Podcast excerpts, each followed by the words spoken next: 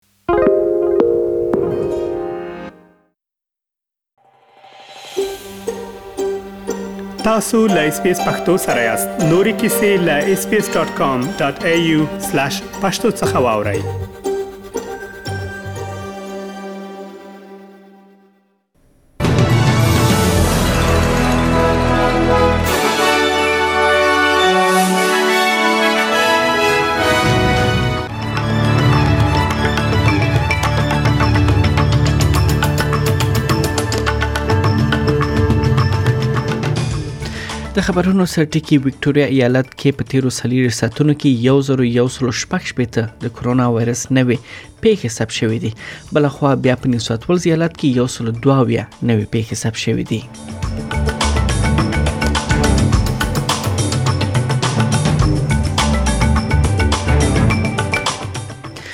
نن په نیو ساوت ویلز او هم وکټوريا ایالت مرکزونو کې مظاهره کوونکي راوتلي دي او د شته محدودیتونو خلاف مظاهره کوي او یاد مظاهره کوونکي د جبري واکسین کېدو خلاف هم شعارونه ورکوي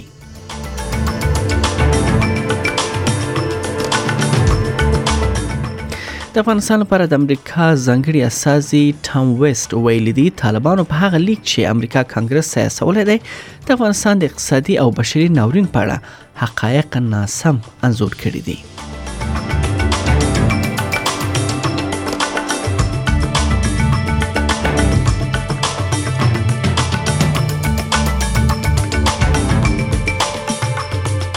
خو بل خو د استرالیا حکومت اعلان وکړ هغه ژباړونکو او هم د استرالیا د حکومت بخوانیو کارکونکو ویزه چې په افغانستان کې ورته ورکړ شوې دي او لا تر اوسه استرالیا ته نه دی راغلي د هغوی موده غزول کیږي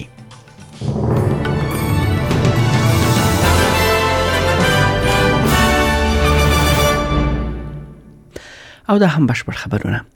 وکټوريا ایالت کې له نو ازادیو یو ورځ وروسته د کرونا وایرس یو زر یو سل شپږ شپته نوې پیښې او د 15 کسانو مړینه ثبت شوې ده دا پیښه په داسې حال کې ریکارډ کیږي چې د یاد ایالت په شرایطو برابر کسانو بشپړ واکسین شمیر نوي سلنه ته نږدې شوی دی د مهال وکټوريا ایالت کې نه هاتیا یعنی سلنه کسان بشپړ واکسین شوی دي پرون بیا یاد ایالت کې یو زرو یعنی 303 اتیا پیښې ثبت شوې وي نیو ساوث ویلز ایالت د کرونا وایرس یو سل دوه اتیا نوې پیښې ریکارډ کړې دي بلخوا یاد ایالت کې یو نوي اشاریه و سلنه وګړي چې عمرونه یې شپاړس څخه لوړ دي بشپړ واکسین شوي دي او بیا 94.3 سلنه یو ډوز واکسین ترلاسه کړی دی بل خو نن د استرالیا دوه لویو ښارونو سیدنی او هم ملبورن مرکز کې مظاهره کوونکي راټول شوي دي او د شته محدودیتونو خلاف مظاهره کوي مظاهره کوونکي د جبري واکسین کېدو خلاف هم شعارونه ورکوي دواړه ښارونو کې سلګونه کسانو په مظاهرو لاس پورې کړی دی بلخوا بیا همدې مظاهره کوونکو خلاف یوه بله ډله کسان هم سرکونو ته راوتلي کوم چې د یادو کسانو خلاف بیا دوی دریز لري او د هغوی خلاف مظاهره کوي بلخوا چې ورته یعنی مظاهرې د استرالیا نورو ښارونو کې لکه برزبن، پرت، اډلیډ، هوبارت کې هم په لار اچول شوې دي. د افغانستان لپاره د امریکا ځانګړي استازي ټیم ویسټ ویل دي طالبانو په هغه لیک کې چې د امریکا کانګرس سي استولې دی د افغانستان د اقتصادي او بشري ناورین په اړه حقایق ناسم انزور کړی دي په هغه لیک کې چې سوره زوړان د طالبانو د بهرنیو چارو وزیر امیر خان متقی لخوا استول شوی وو د امریکا له کانګرس غوښتنه شوې و چې د افغانستان د کنګل شو شتمنیو په آزادولو کې د ورسره مرسته وکړي طالبانو په دې لیک ویلي و چې د امریکا حکومت د افغانستان شاوخوا 10 میلیارډ ډالرو شتمنۍ کنګل وساتي افغانستان به له بشري او اقتصادي ناورین سره مخ شي خو د افغانستان لپاره د امریکا ځنګړي اساسي ټیم ویست د جمعې پورس د لیک ته په خبرګون کې پر خپل ټوئیټر پاڼه لیکلي دي افغانستان د تیر اگست میاشتې له پیښو وړاندې هم له سخت بشري ناورین سره مخ وو دا د بي بي سي پښتو ویب پاڼه له مخه بل خو د ملګرو ملتونو د خوراک او هم د کرنې سازمان خبرداري ورکړې ده چې تر 13 میلیونه ډیر افغانان نشي کولای چې هر ورځ کافي خواړه وخوري د ملګرو ملتونو د خوړو او کرنې بنسټ ویلي دي په ژمي کې به د هغو کسانو شمیر چې خواړه نه لري تر درویش میلیونو کسانو ورسیږي د بنسټ وشکالۍ ته په اشاره ویل دي بزګرانو خپل کاروندو ته کافي اوبه نه دی پیدا کړي او ان خپل کورنۍ او سرویو لپاره کافي اوبه نشي دوی یعنی ترلاسه کولای خو دوی وایي د کروندګرو او سرویو لرونکو سره هم دوی مرسته کوي د خوړو او کرنې بنسټ ویل دي چې د کرنې برخه کې د لړډیر عمره سوغښتنه کړې ده چې افغانستان کې خلک وشي کولای چې په ژمي کې د اړتیا خواړه ترلاسه کړي بل خبر د امریکا ولسمشر خپل یو طبي عملیاتو څخه تیریدو مخکې خپل ټول قدرت لومړی مرستياله کامل هریس وسپاره دا لومړی ځل وو چې یو تورپوس میرمن د امریکا حکومت ټول واک په لاس کې اخلي ولسمشر بایدن یو ساعت او 15 دقیقو لپاره عملیات لپاره بهوښ وو او همدې موده کې قدرت ټول واک کاملا هارس ته سپارلی و جو بایډن دا مهال نه اویا کلن دی او لا ډیر په خوا څخه مخالفینو یې د روغتیايي ستونزو خبرې او ګنګوسې خبرې کړې دي ولې ډاکټرانو نوموړي ته د ښه صحت لرلو سند ورکړی دی نوموړي له عملیات وروسته رسنیو ته په خندا ویل زه ښه احساس کوم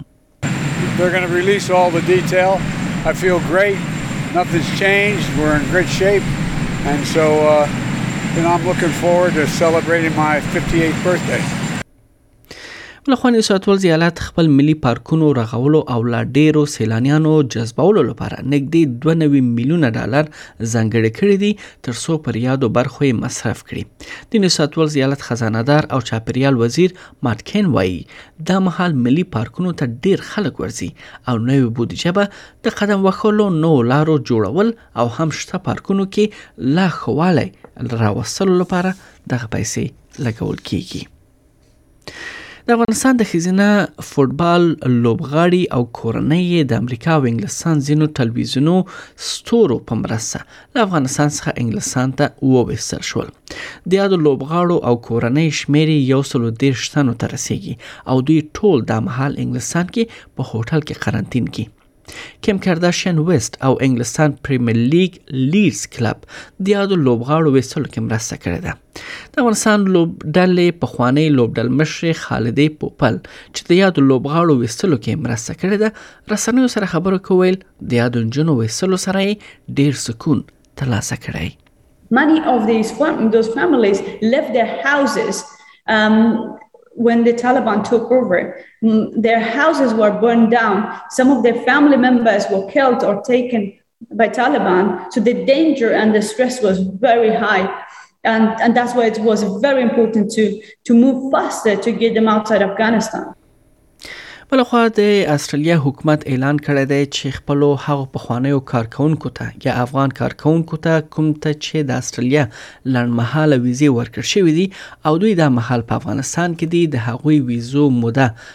یعنی غزول کیږي کې چیرې دغه درې میاشتو کې د غوي ویزه ختميږي دا په داسې حال کې ده چې د استرالیا حکومت اعلان وکړ هغه زورګونو کسانو یا افغانانو ته چې په افغانستان کې لړمحاله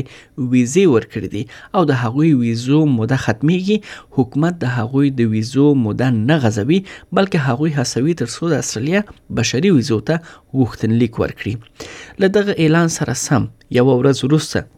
د استرالیا حکومت اعلان وکړ چې خپل کارکونکو ته چې پاغي کې ترجمانان هم یا ژباړونکي شامل دي د هغوی ویزه موده یعنی غزول کیږي ولې د نورو نه غزول کیږي یاد مطلب په اړه ورسته تاسو ځینې نور معلومات هم لرم بله خوا انګلستان اعلان کړی دی چې فلسطیني د حماس ډلې پر وړاندې به دوی سخت دریز غوره کوي او یاده ډله به د ترهګرۍ په لیست کې اچوي د انګلستان یعنی د کورنۍ چارو وزیر پریتی پټیل ویلي دي چې چیرې دغه اقدام وشي نو د نومبر پر شپږمه نیټه به د حماس ډله انګلستان د یو ترهګر ډلې په توګه وپیژني This is an important step, especially for the Jewish community. Hamas is fundamentally and rabidly anti Semitic. Anti Semitism is an enduring evil which I will never tolerate. Jewish people routinely feel unsafe at school, in the streets, when they worship, in their homes, and online. This step will strengthen the case against anyone who waves a Hamas flag in the United Kingdom, an act that is bound to make Jewish people and the community feel unsafe.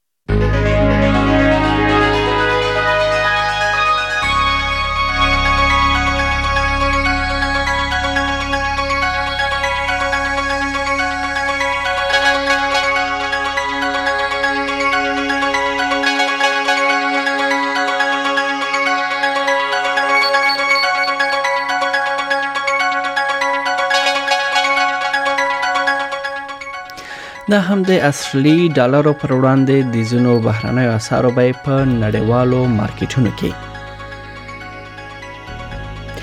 یو اصلي ډالر 0.22 امریکایي سنت ارزښت لري 0.48 یورو یعنی د دې ارزښت یو استرالی ډالر وشپېته اشاریه یو 50 افغاني روپی یو سل شپږ ویشت اشاریه دوه ویا پاکستاني روپی درې 50 اشاریه اته ویا هندۍ روپۍ یو استرالی ډالر 2.15 اماراتي درهم او 0.35 انګلیسي پنسه ارزښت لري